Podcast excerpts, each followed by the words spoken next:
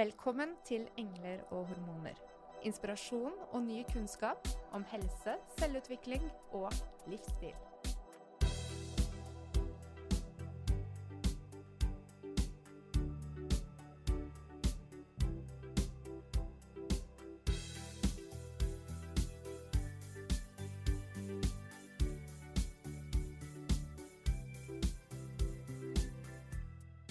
Sexualitet vad har det med hälsa att göra?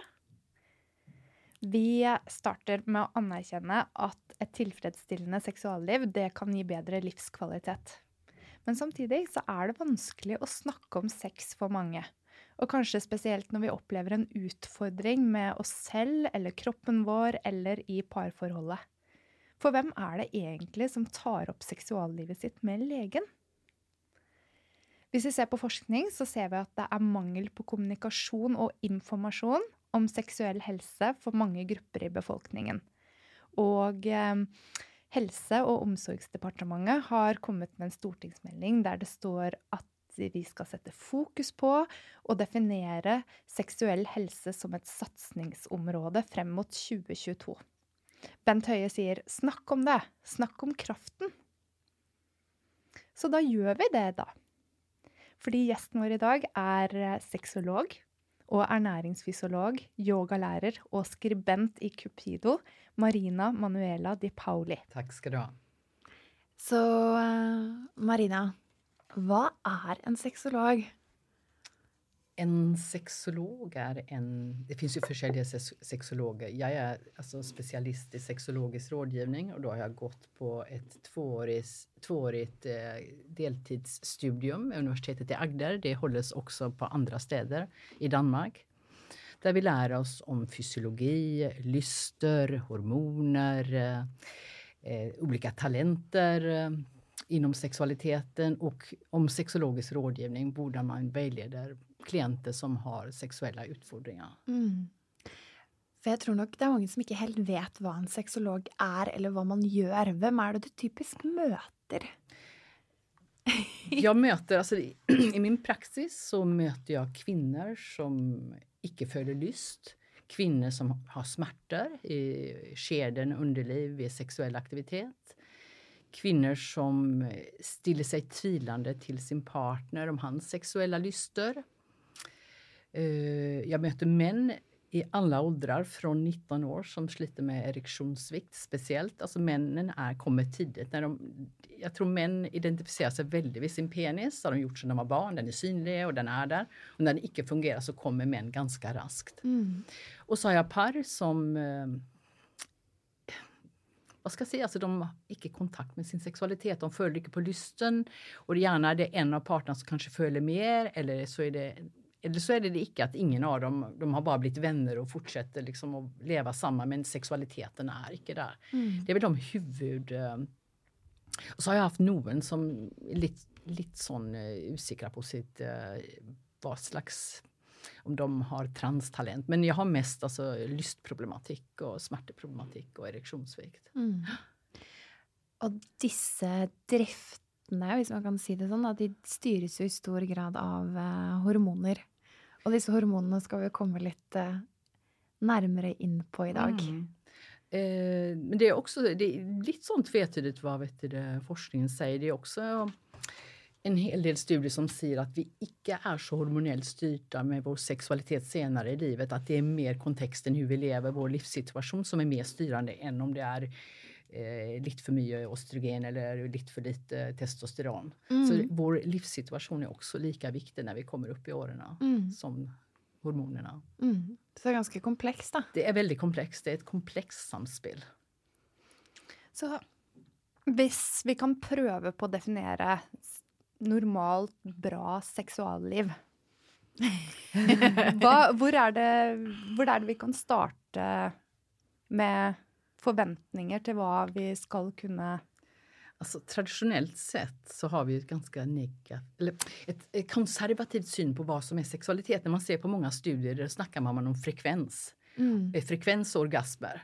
det är lite om hur man egentligen upplevde sexualiteten. Så därför är det lite, med sådana traditionella studier vilka vet om detta är god sex. Det är lite vanskligt, man kan se på frekvensen, man kan anta har man ofta sex så är det för att det är bra kanske. Mm. Men eh, jag efterlyser studier där man speciellt får kvinnans upplevelse om extraordinära orgasmer och hur det, här, hur det var.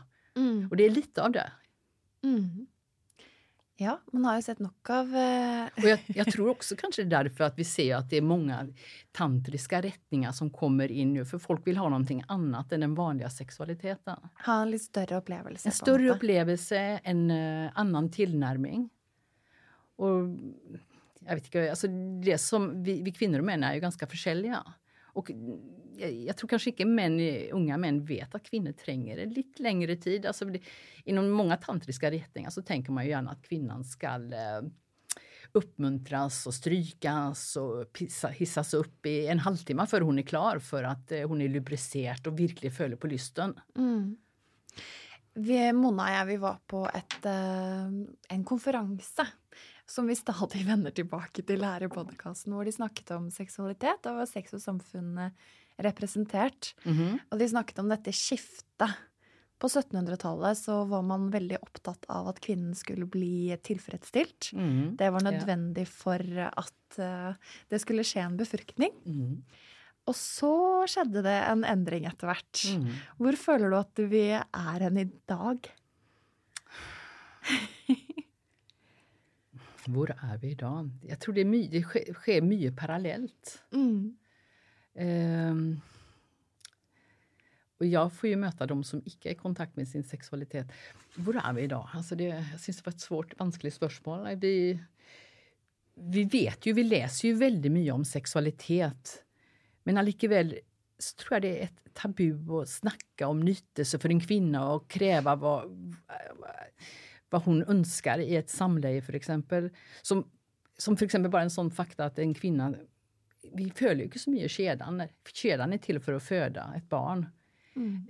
Um, och för en kvinna då komma i ett möte med en man och säga att jag tränger faktiskt bli stimulerad på utsidan, komma med vibrat. Jag tror att vi, många följer att det, är, mm, att det är lite vanskligt att ta upp och kräva sin sexualitet, speciellt för kvinnor. Mm. Kanske kvinnor upp i 40-åren är lite mer tryggare, men för yngre kvinnor så tror jag det är fortfarande ganska vanskligt. Man uh, har lite problem med det. Och som yngre kvinna så ser man också att uh, de har ju lätt för att ditcha varandra. En kvinna, en ung kvinna som är sexuell det är inte så lätt. Man kan lätt bli en bitch och en hora medan en gutt han är liksom bara full av testosteron. Han har ett, man har ett annat syn på gutten. Mm. Jag vet inte helt om jag svarte ditt spörsmål. Jo, jag syns ju, syns ju det på många måter. Och så kanske vi kommer ända närmare svaret mm. genom episoden idag. Ja. Ja, for Du nevner et ord som kanskje er ukjent for mange, og det er tantriske retninger. Mm. Hva betyr egentlig det? Tantra är ju en livsfilosofi. Och, men det som vi möter här i västern det är en tantrisk tillnärmning som gärna är för att förbättra sexualiteten. Ha, alltså satsa på nyttelse, eh, där sexualiteten är ganska fri. Um, ja, det är en tillnärmning för alltså, nyttelse.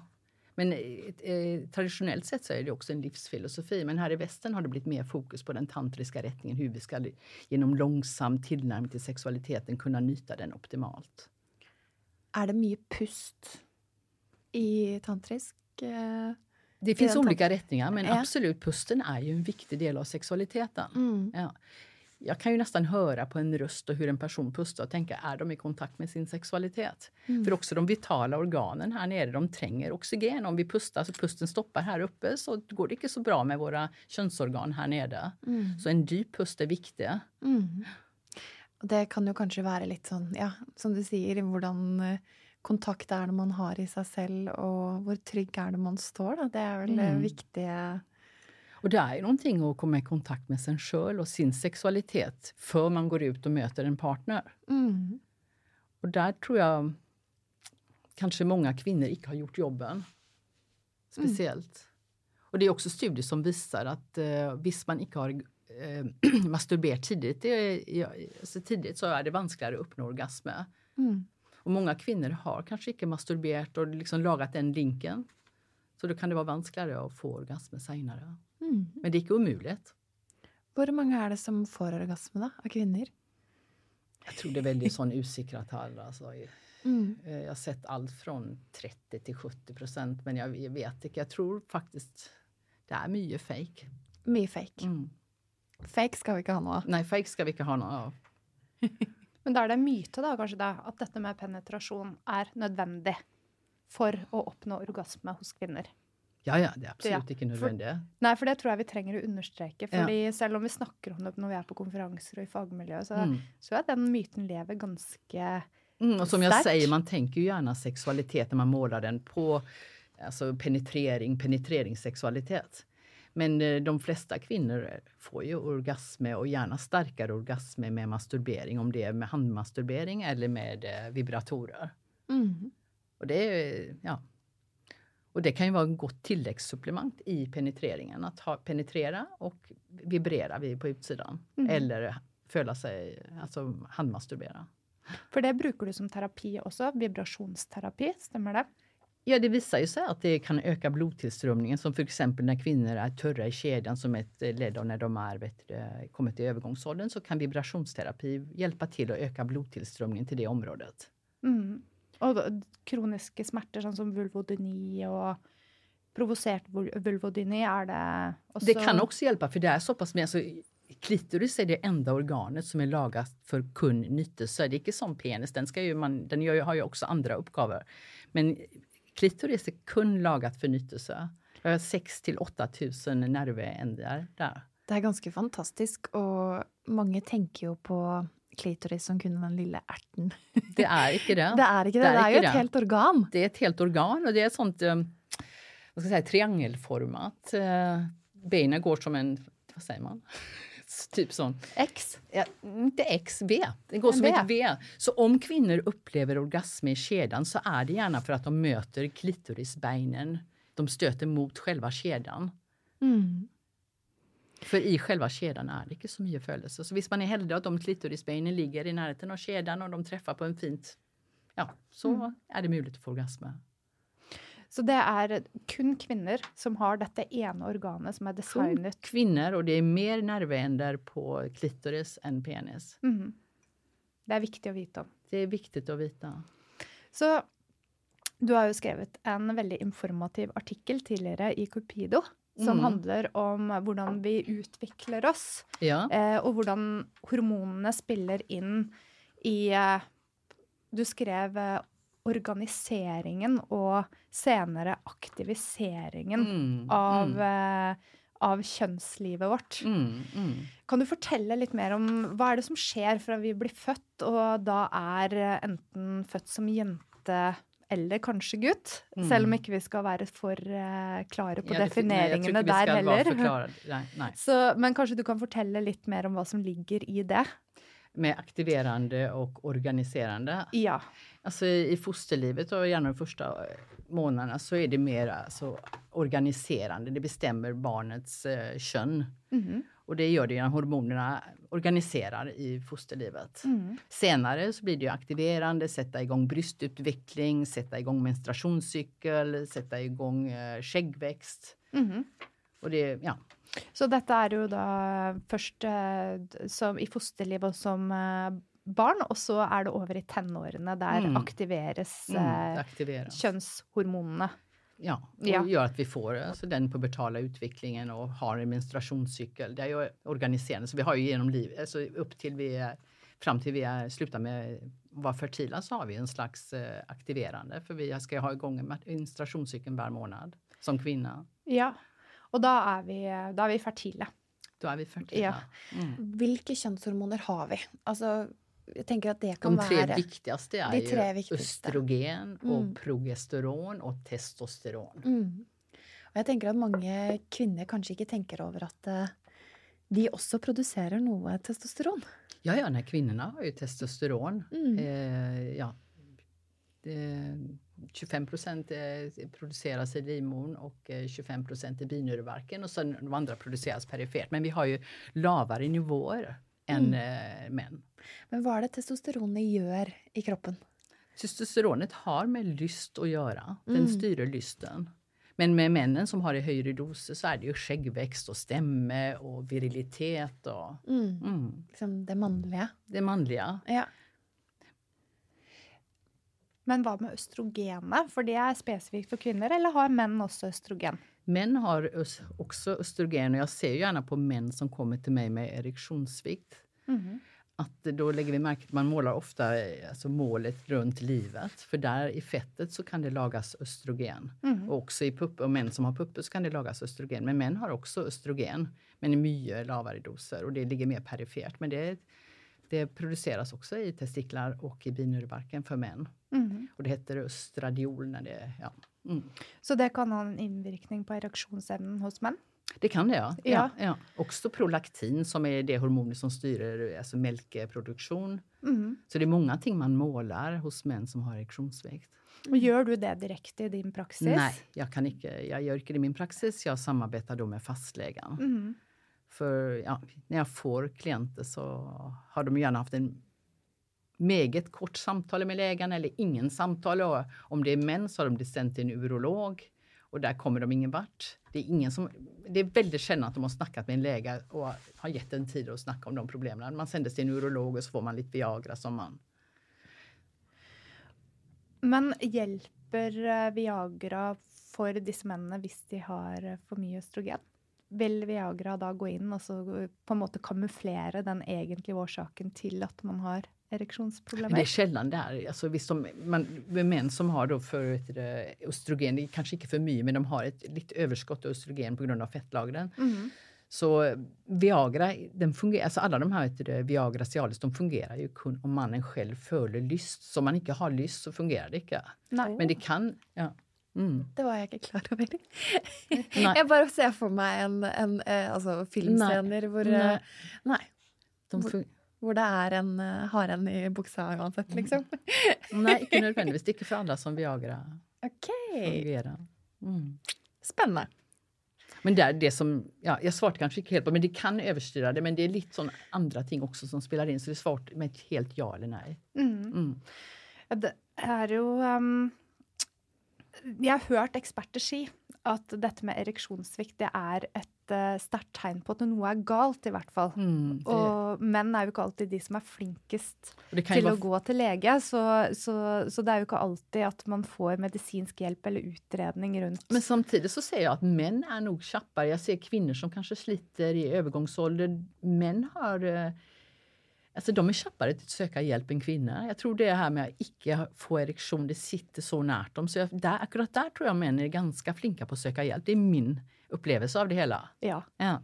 Så kanskje den eh, statistikken ikke gjelder for akkurat Kanske inte akkurat den, för jag tror att eh, för män de identifierar sig väldigt med en sin fungerande penis. Det har med någonting med deras mandom att göra. Ja. Mm.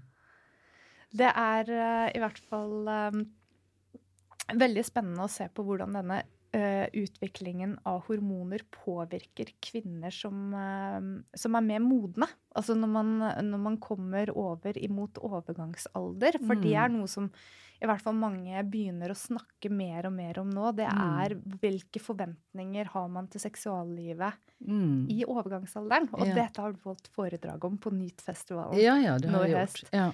Kan vi gå litt inn på um, kanskje først historisk i forhold til hvordan, eh, hvordan kvinner i overgangsalderen har blitt sett på?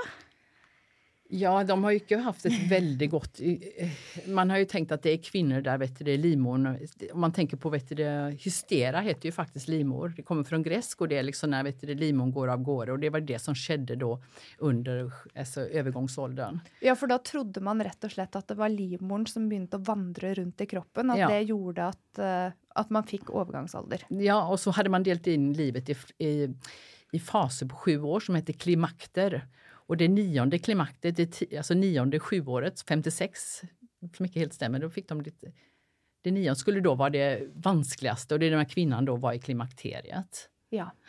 Mm. Og da begynte livmoren å vandre. Vandra av gårde. Ja. Ja. Och kvinnor blev ju sett som hysteriska. Det var kvinnor, man såg att kvinnor... Jag tror också man har märkt att kvinnorna kanske blev lite tryggare på sig själv. Att de faktiskt blev lite mer bestämda på vad de ville och det likte man kanske inte. Nei. Och någon sa att kvinnor inte längre var de vackra. Det så, läste vi senast för några dagar sedan med en fransk eh, författare som menade på att eh, äldre kvinnor icke var sexy. Sant? Man, ingenting kunde vara som en 25-årig kvinna. Han fick ju massa reaktioner på det. Att kvinnan miste sin feminitet i med reproduktionen och att eh, hon var liksom bara en hade en, en förfallande livmoder, en förfallande kedjan var inte någon särlig, den var slapp och det var, det var inte något positivt med en, med en kvinna. Men samtidigt så såg man ju också att kvinnan blev mer bestämda, de blev mer androgyna, mer maskuliniserade. Mm. Så att man kanske hade mer um, tilltro till dem på en eller annan måte, men samtidigt såg man att de var, hade inte samma värde som kvinna. Nej, så i forhold til det femininiteten og reproduksjonen så mistet man verdi. Mm. Men uh, i forhold till att bli mer maskuline så fick man mer respekt? Ja, lite mer respekt. Man såg att de hade en styrka. Men samtidigt så var det ju någon, nu ska jag helt veta vad som sa det, man såg att kvinnor gjorde gärna val. Man var, var samma med yngre män och man gjorde vad man ville. Och alltså man såg att detta, var, detta är ett problem med sådana kvinnor som kommer i den här det, tidsfasen i sitt liv. Det hörs så helt vilt ut. Mm. De måste ju vara helt galna. Ja, ja. och så problematisk för dessa männen. Som Väldigt skulle... problematiskt för männen som inte längre har en kvinna som gör akkurat som de säger. Ja. Mm. Men uh, detta kan vi då kanske bruka till vår fördel? Jag tänker att det kan brukas till vår fördel. Mm. Jag gjorde ju också en, intervju, alltså en liten intervjustudie när jag skrev den här artikelserien för Cupido. Och då fann jag ut att många av kvinnorna kom ju till en fas där de faktiskt tog att leva ut den de följt att de var. Någon för någon, andra var det, men många var det faktiskt positivt och någon följde att de var mer i kontakt med sin sexualitet, de tog att leva den ut. Mm. Eh, så det kan också vara en powerzone. Men det är ju lite eh, det är lite hur man tar vara på sig själv. Om man, tänker, om man tar liksom paralleller med viner. Alltså I vinens världen så är mogna viner de har mer värde än en ung vin. Mm. I, vår, I vårt samfund så är det ju inte slik. Men en kvinna i, som är i eh, alltså klimakteriet som har tagit hand om sig själv kan vara som en moden vin. Mm. Men då vi lagra den gott? Vi lagrar den gott. Och vilka förutsättningar bör vi då lagra oss själva under? För att dra den, det bilden vidare. det är ju alltså, en av de värsta tingen för sexualitet är ju stress. Mindre stress. Var det det du spurte om? Ja, ja, ja. absolut. Ett gott, Kom ett gott med kosthåll, motion, Eh, yoga har visat sig mycket som pust och yoga och bruk av bäckenbund, alltså att man faktiskt styrker bäckenbund. Det är viktigt för kvinnans sexualitet och det är viktigt för att kvinnan ska följa sig gott upp i, alltså i, när hon kommer till klimakteriet. Att det är en god livsstil. Mm. Så kan också en kvinna bli som en moden vin. Mm. Eh, For jeg jag läste ju i denne artikkelen din, da, Manuela, att eh, kvinnor och män blir på många måter lite mer likestilta. Vi blir lite mer likestilta för alltså, det blir ett drastiskt fall av progesteron och eh, östrogen när man kommer i klimakteriet. Progesteronet faller 75% och östrogenet 35 tror jag det var. Medan testosteronet faller gradvis och långsamt från mm. 25 års ålder så att vi blir på en måte lite mer androgyna. Mm. Och männens testosteron faller ju gradvis så det är inte lika så de blir lite mer feminiserat i förhållandet mellan östrogen och eh, testosteron på män. Det blir liksom, man blir lite lika. Mm. Kan inte det också vara positivt för den sexuella hälsan? Jag tänker, alltså, kvinn, man hör alltid att kvinnor är så komplicerat och kräver som kräver en annan typ av stimuli än män för att bli tillfredsställd. Mm. Jag tror helt vi blir kvitt det. Jag tror kvinnor har en annan tillnärmning till sexualitet. Så oavsett om vi blir kanske lite mindre, lite starkare och kanske lite mindre komplicerat och inte så styrt av hormoner och humörsvingar så tror jag framdeles kvinnans sexualitet är lite mer, lite mer komplicerat. Mm. Vi tränger, alltså Lennart Lindgren är en svensk sexolog och parterapeut som jag syns är ganska spännande. Och han menar ju på att lite sånt generellt så säger man att 70% av männen har sin sexualitet tillgänglig. Mm. De ser någon, sin käraste, de ser pupporna och de blir kåta, de vill ha sex. Mm. Eh, och 30% av männen har lite mer sån situationsbetingat att kanske ska det vara en god middag först, kanske det ska vara ett eller annat ska ha det bra i förhållet. Medan kvinnor är helt omvänt. 70% av kvinnor har mer sån, det ska vara någonting speciellt, man ska bli förförd på en speciell måte eller han ska göra på den måten. Det är inte så att de ser sin partner och så blir de kåta och vill ha sex. Mm. 70% har det inte så, men 30% av kvinnor har då sin sexualitet mer tillgänglig. Mm. Så det är sånt samspel som man hoppas att den 30 procenten av kvinnor som har sin sexualitet tillgänglig kan möta de 70 procenten som har det och icke omvänt. Icke jag möter ju gärna de som icke har det. Där faktiskt, det är ofta att eh, när par kommer till mig att det är kvinnan som har mer lust än mannen. Icke sant. Mm. Varför tror du det är så? Nej, vi är ju försäljare. Ja. Alltså, så det, om man snackar då i förhandlarna till Lindgren så tänker man kanske att det är en kvinna som har sin sexualitet tillgänglig och möter en man som icke har det. Mm. Men det jag också ser med Per, det är ju det att snacka om sexualitet. Och det finns ju olika rättningar. Eh, Ester Perell är en uh, sexolog och råd, alltså sexologisk rådgivare och parterapeut. Och hon menar ju på att vi må laga en slags spänning, en polaritet mellan man och kvinna. Nu snackar vi väldigt som normativt heterosexuellt här idag. Så mm. de som inte, vi får förlåta oss för det. Men hon menar på att vet du, oavsett att vi ska laga en slags polaritet och man må ha en viss avstånd till sin partner för blir vi för lika och gör allting samman så försvinner sexualiteten. Mm. Det är hennes. Och så har vi en som heter Gottman som har lite annorledes. Han menar på att uh, Visst man i ett förhåll är tätt så är det helt fint men att man bestämmer sig att sexualiteten ska vara en viktig del av förhållet och gör det som en resa samman. Mm. Och det jag följer att många av dem jag möter, de har, man har inte tagit sexualiteten helt på allvar. Vi planerar väldigt många andra ting, barn, hytta, ferie, allting annat men icke vad vi ska göra sexuellt för att vi ska kunna utvecklas som två sexuella väsen. Det är någonting som icke har fått en stor del av förhållet. Det är min upplevelse med de som kommer till mig. De har nästan väldigt lite fantasi vad de ska göra. Jag får nästan skriva uppskrifter vad de kan finna på på ferien. Och Men jag tänker att eh, när du säger planlägga den sexuella resan så, så är det inte att ta en bara att ta en kväll i uken och ha samleie du snackar om. Det nej, är en nej, nej. utveckling. Kan du inte berätta oss lite mer om Vi har ju olika tändningsmönster och det, det, märker jag också. Det är först, en av de första tingen jag spör vad är hans tändningsmönster säger jag till uh, kvinnan eller omvänt. Och de bara ser liksom tändningsmönster, vad är det? Liksom, det vet de icke. Liksom. Vad är det som gör henne kåt? Det här är par som har levt samman i kanske 10, 15, 20 år. Jag är inte helt säker. Och likadant med henne, eh, att man inte helt förstår varandras sexualitet. För det är viktigt att prata om det. Det är det gott man menar att man faktiskt pratar om det, vad vi vill göra.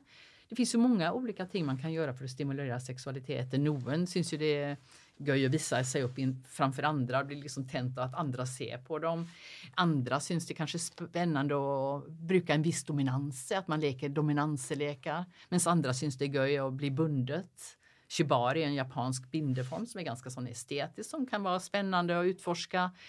Eh, så finns det tantra. Alltså det, det, finns ju många olika ting vi kan utforska. Mm. Som man icke... För det, han säger också det Lennart att eh, det, att eh, homosexuella de har ju mer gjort en resa, de har kommit ut. Man har, man har gjort en resa och funnit ut, okej okay, jag är inte heterosexuell, vad är det jag likar? Och så har man gjort den resan och är lite mer öppen på vad man liker och icke lika. Medan heterosexuella, vi har kanske tagit det lite för gitt att sex, ja det är penetrerande sex och kanske en gång i veckan eller mindre eller mer och icke så mycket vad som är runt det. Mm. Vad man kan göra för att hålla det vid livet för det håller det, det håller sig inte vid liv av sig själv. Visst mm. man inte har en extrem eh, lyst och virilitet och den, den avtar ju gärna oavsett när man bor samman och blir äldre. Och, mm.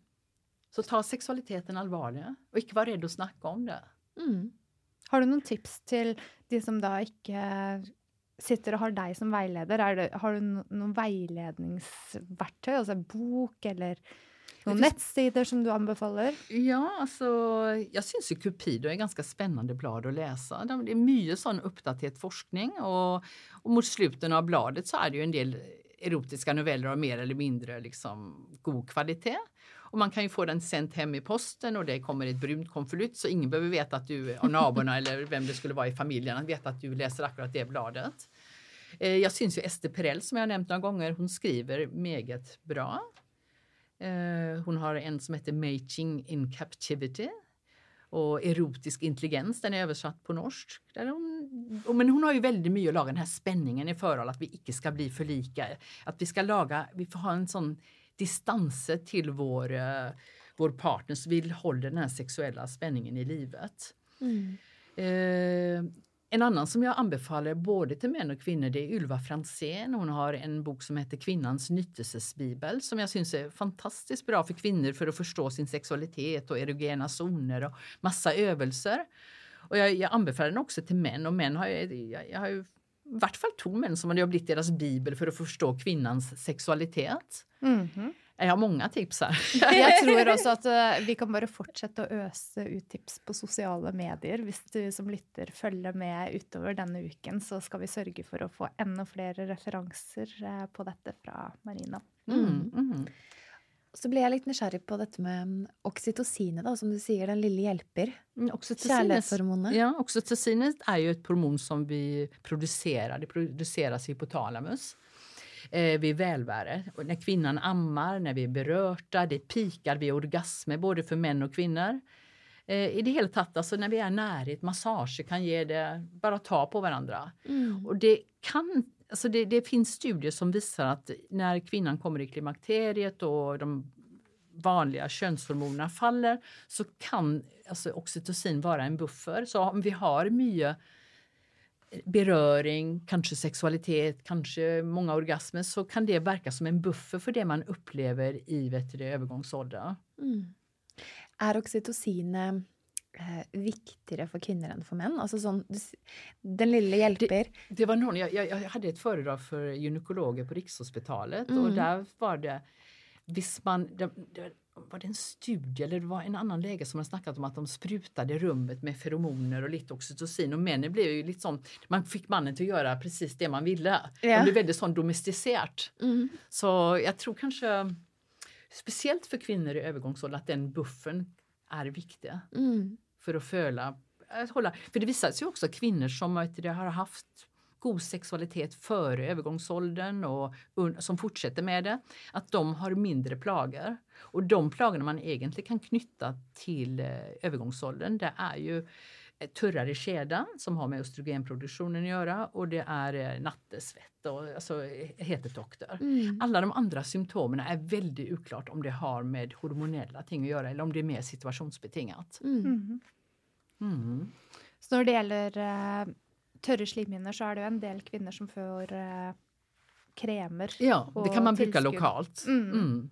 Det kan ju vara, men vibration kan också, alltså vibrationsterapi kan också vara väldigt bra. Mhm.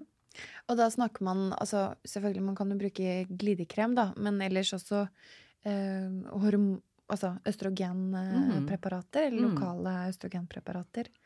Och det Mm. finns också någon i, eh, alltså i hälsokosten som är mer naturliga hormoner Mm. som kan, man kan smöra på bryster och i skeden. Och, For det er jo også sånn at eh, kvinner, eh, gjerne som ammer, de går jo inn i en liten overgangsalder, de også. Så det er absolutt alltså, man får väldigt tillfredsställt Alltså man behöver inte sex, för man, man får det tillfredsställt genom antagligen genom också, alltså det som har skett efter föds men också oxytocinet. mm, Alltså man har inte samma behov för sex akkurat i den perioden. mm. Men kanskje mannen har.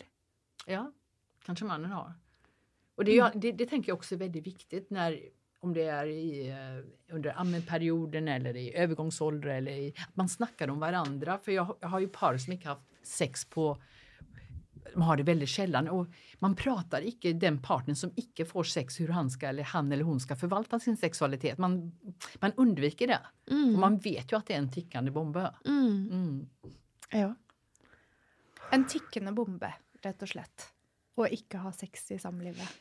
Kan du utdype litt mer hva du ser der som utfordringer, og kanskje gi noen tips? Alltså kvinnan, om det, alltså kvinnan eller mannen som icke önskar sex, de känner ju att press. De känner ju väldigt press på att nu må de prestera. Ikke sant? Och det är inte bra sex hvis man inte har lyst. Medan den andra parten följer sig avvist. Så här må man ju, alltså, det är, är ett vanskligt tema men eh, och man ska ju absolut inte ha sex hvis man inte har. Men vi brukar gärna någonting eh, alltså, i sexologin som heter sensualitetsträning. Hva er det? Sensualitetsträning är att man på en måte blir känd med varandras nakna kroppar på nytt. Och det, man har under en period i samarbete med eh, sin rådgivare, om det är en sexolog, att man ska ha samlejeförbud.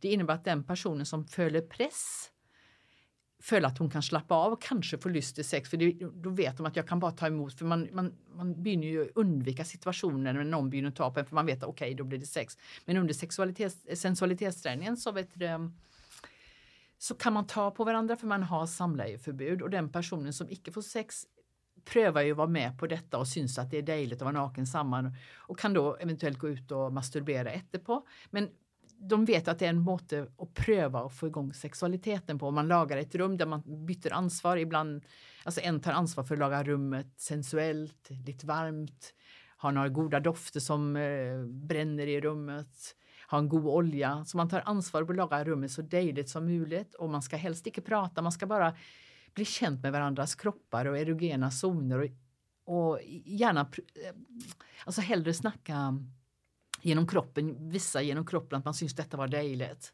Mm. På en måte att bli naturlig med varandras nakenhet igen utan att føle att det är press på sex. Mm. Så denna delen av podcasten, om man då føler att man ska säga något till sin kära, så kan detta vara ett förslag rätt och slett till ja. man kan gjenopprette en form för balans. För det är ju många som, som sklir fra varandra och vägrar sig från nettopp att ta emot eller å gi en klem, fordi mm, man er redd mm, for at det skal mm, oppfordre mm. til noe mer som man ikke er klar for. Mm. Och så gäller det att komma ut den här vonda cirkeln och det är ju vanskligt men det kan vara ett led ut av det. Mm. Och det ligger mycket på en sensualitetsträning. Det ligger mm. en del ute på nätet mm. där man kan pröva sig fram. Gärna man ska göra det under rådgivning men om man inte vill det mm. så ligger det en del beskrivelser ute på nätet. Mm. Spännande. Det är ju andra som upplever um, andra utfordringer, uh, eh, exempel med utroskap. Det är ju också en tickande bomb. Ja, det är en ny tickande bomb. Mm. Mm. Du nämnde att det är uh, också par du ser som då prövar att jobba sig igenom detta tillitsbruddet. Har du någon tips där till vad man kan fokusera på? det är ju att prata samman. Och, alltså, det är ju olika grunder till att eh, en partner är eh, utro. Det kan ju vara ett uhäll på en eh, julefest och det är lite för mycket alkohol. Men är det någonting som har föregått över tid så är det ju gärna att en av parterna icke är förnöjd med sexlivet. Och då må man ju gå tillbaka och finna ut vad kan vi göra om vi ska vara samman för att få igång sexlivet igen. Mm. Det kan ju vara, det är mycket sånt för en kvinna så är det ju så lätt att alltså, de här 70 procenten, visst man har det dåligt i samlivet, är stressat och kanske hon följer att hon gör, har allt ansvar för barna. Det påverkar ju kvinnans sexualitet kanske i större grad än män för de 70 procenten som är där. Så att det är viktigt också att se på situationen, vad vi kan göra för att jag ska föla på lust, jag ska vara i kontakt med min sexualitet.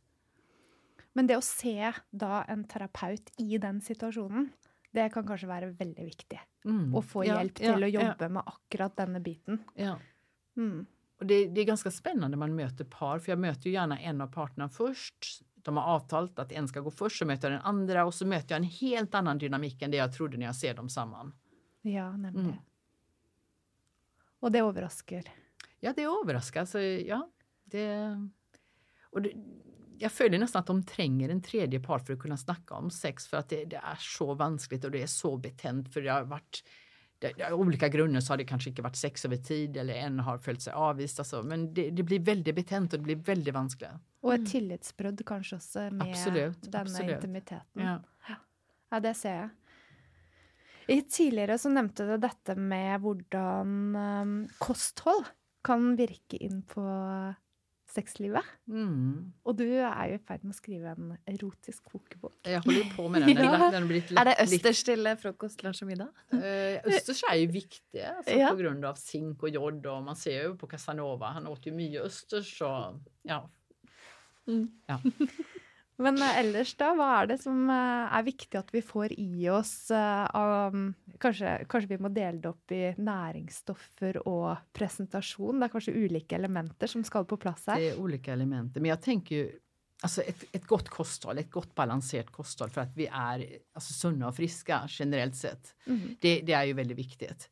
Det här med afrodisiaka, det är ju lite sån virkade eller virkade icke. Det det finns ju långa listor över vad som är afrodisiaka. Jag är halvt italiensk, jag spurte liksom någon italienare vad som är afrodisiaka så sa de att tutti, allting är afrodisiaka. För det här med maten och sensualiteten, det är ju väldigt viktigt. Så hvor mycket det är, men det som man kan se, alltså mycket sån zink eh, fiskeprodukter, alltså allt med som zink och jod, det är viktigt för sexualiteten för män. Och det har också då kanske med sädkvaliteten att göra? Absolut. Mm. Ja, ja. Så var finner vi det då?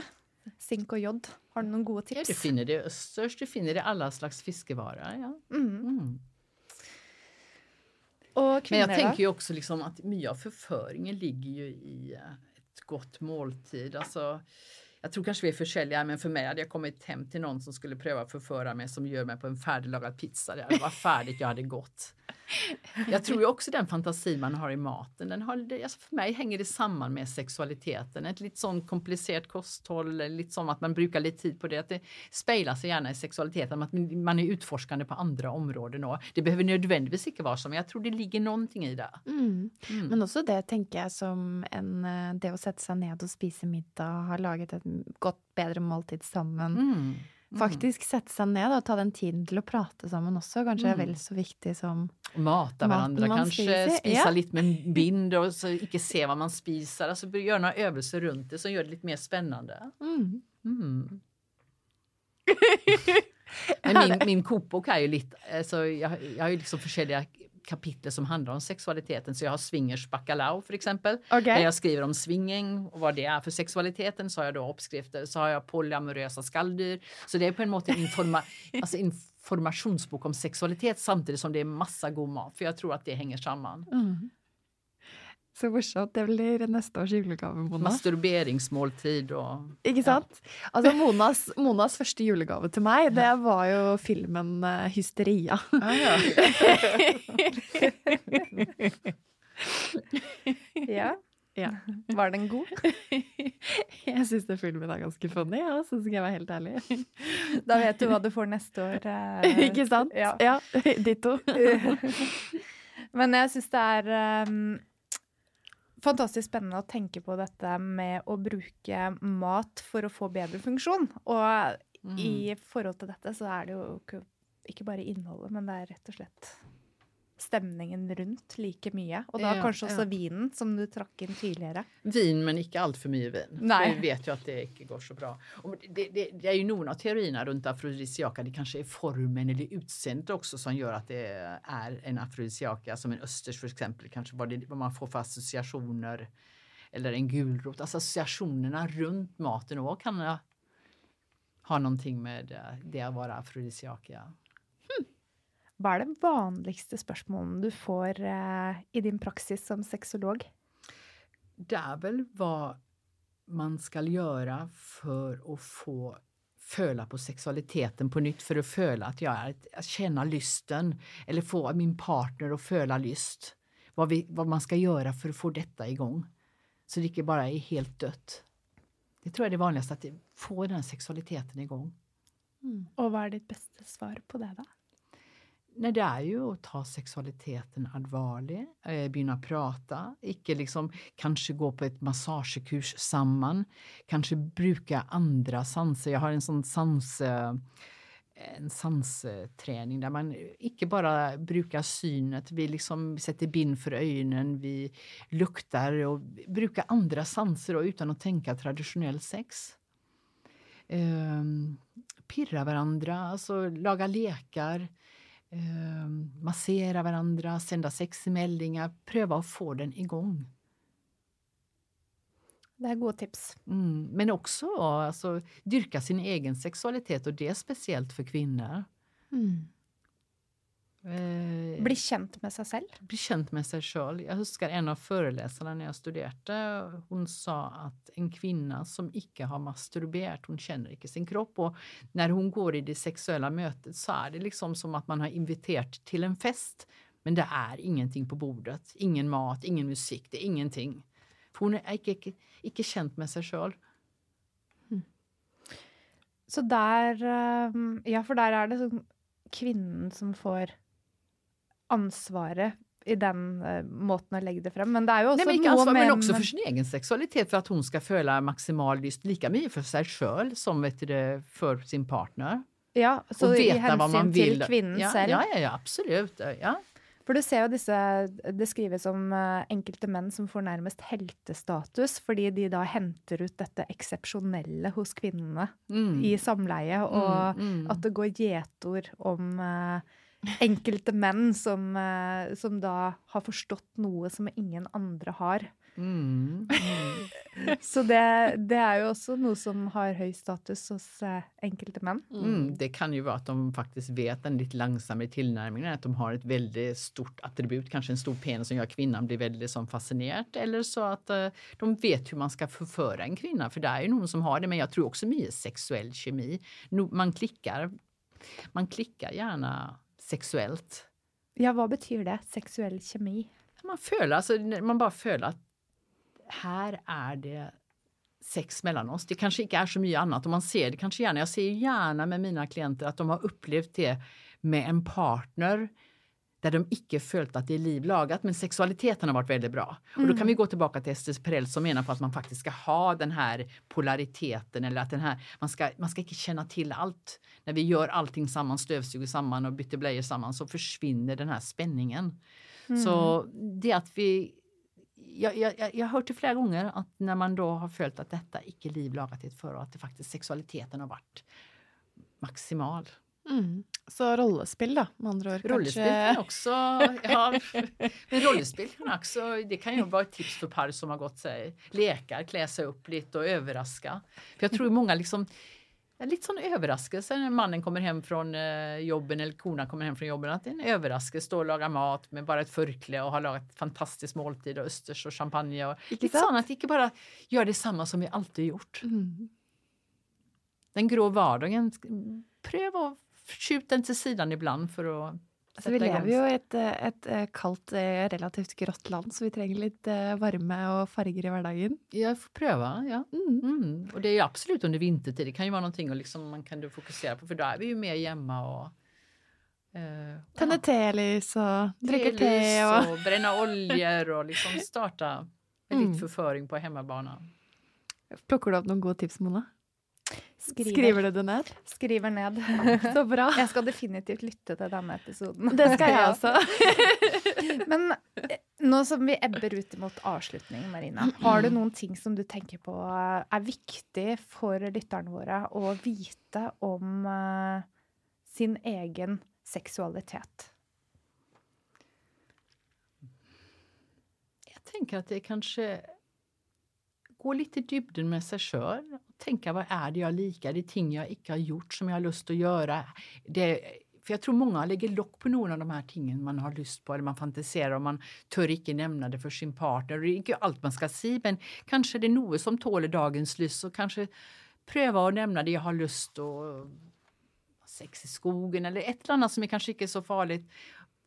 Våga öppna locket lite och liksom se om partnern är lyhörd. Mm. Det tror jag är väldigt viktigt. Och, eh, för kvinnor så tänker jag att bli känd med, sitt, med sin sexualitet och sina orgasmer. Och kanske jag, för en kvinna som upplever smärta eller icke upplever att vara kontakt med sin sexualitet så ber de gärna gå hem och ta ett spejl och se på underlivet, bli känd med det. Mm. För det är många som inte har gjort det. De- Detta är, sedan vi var unga jenter så har vi, vi liksom fokuserat på det i den grad som unga guttar har gjort. Sant? For det viser jo fram. Den visas fram och den har olika facetter. Och, Så at jeg står og tisser, sa nevøen min. Han ringte til og med på vei mens jeg var på vei hjem fra jobb Mm. meg og, og samboeren min og fortalte at eh, nå klarer jeg å stå og tisse uten, å, Mm. å Och søle. vi- Klitoris har ju en erektion, kanske se på den. Alltså se Mm. hur, hur klitoris ser ut när den är vet du, det, hard. Alltså, bara bli känd med sitt organ också på samma måte som guttar har gjort från de var unga. Ikke sant? Ehm, jag tror bara inte man ska ta sexualiteten för gitt, för den går inte av sig själv. Den, den rullar inte. Man må, man må liksom, om man är i ett förhåll så i vart fall öppna upp och pröva lite och törra våga göra lite och överraska. Är man alena så bli känd med sin egen sexualitet och pröva leva den ut. Mm. Så snakk Och om nyte, det. alltså sexualitet har ju med nytelse och sensualitet att göra. Jag tror vi, vi kanske inte har lika mycket av den här förföringen i Norden. Kanske vi ska se på andra kulturer, kanske lite mer latin, se vad de gör. Den här leken som vi kanske manglar. För jag vet ju många norska kvinnor syns ju att eh, norska män blir lite kedliga för de har liksom, ska vi gå på ski? Och, det är inte så mycket lek och morsomt och förföring Mm. som kan vara morsomt. Inte som man ska bara ha det, men ta, ta lite, lite in. Mm. Och för män och kvinnor, läs Ylva Franzén, Kvinnans nyttelsesbibel. Så absolutt. Mm. Så um, snakk om det. Bli kjent med seg selv. Ja. Utforske og leke mer. ja, och ja, exponera sig för sexuell, om det är en bok eller en film, ja, en novell. Mhm. Og da- vil du da si at et eh, godt seksualliv er en viktig del av helse? Ja, absolut. Det är många studier som visar på fördelar med sex, ett gott sexualliv. Så dette er faktisk noe vi bør ta på alvor. Vi bör ta det på allvar. Och man märker ju också efter en, eh, en dag eller kväll där har haft god sex att det gör någonting med vår kropp. Vi följer att vi är vår kropp. Endorfinerna rusar runt i kroppen. Alltså, det, det har med vår egen välvärde att göra. Det tror jag man, de flesta har känt på när de har varit där. Mm. Hvis det er noen av lytterne våre som er nysgjerrige på å lære mer, hvor kan de finne deg?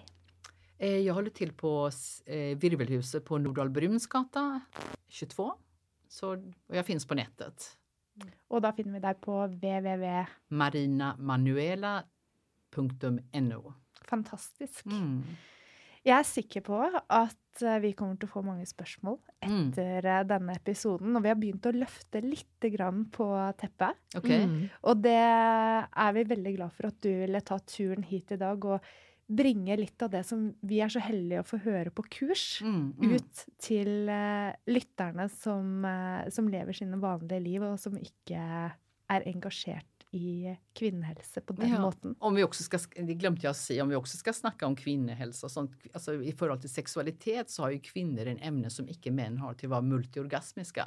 Kan få orgasm efter orgasm efter orgasm. Det är någonting de flesta kvinnor borde finna, ut, finna mer ut av.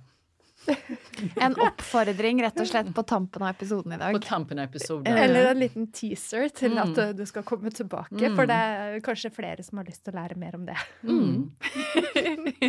Så bra! Tusen hjertelig takk, Manuela. Tack för att jag fick komma. Bare hyggelig. Det er vår glede. Og eh, hvis du eh, syns denne episoden her var verdt å høre på, så setter vi stor pris på om du ønsker å gå inn i iTunes og legge igjen en femstjerners rating og en liten kommentar. Takk for i dag. Takk for i dag. Tack för idag.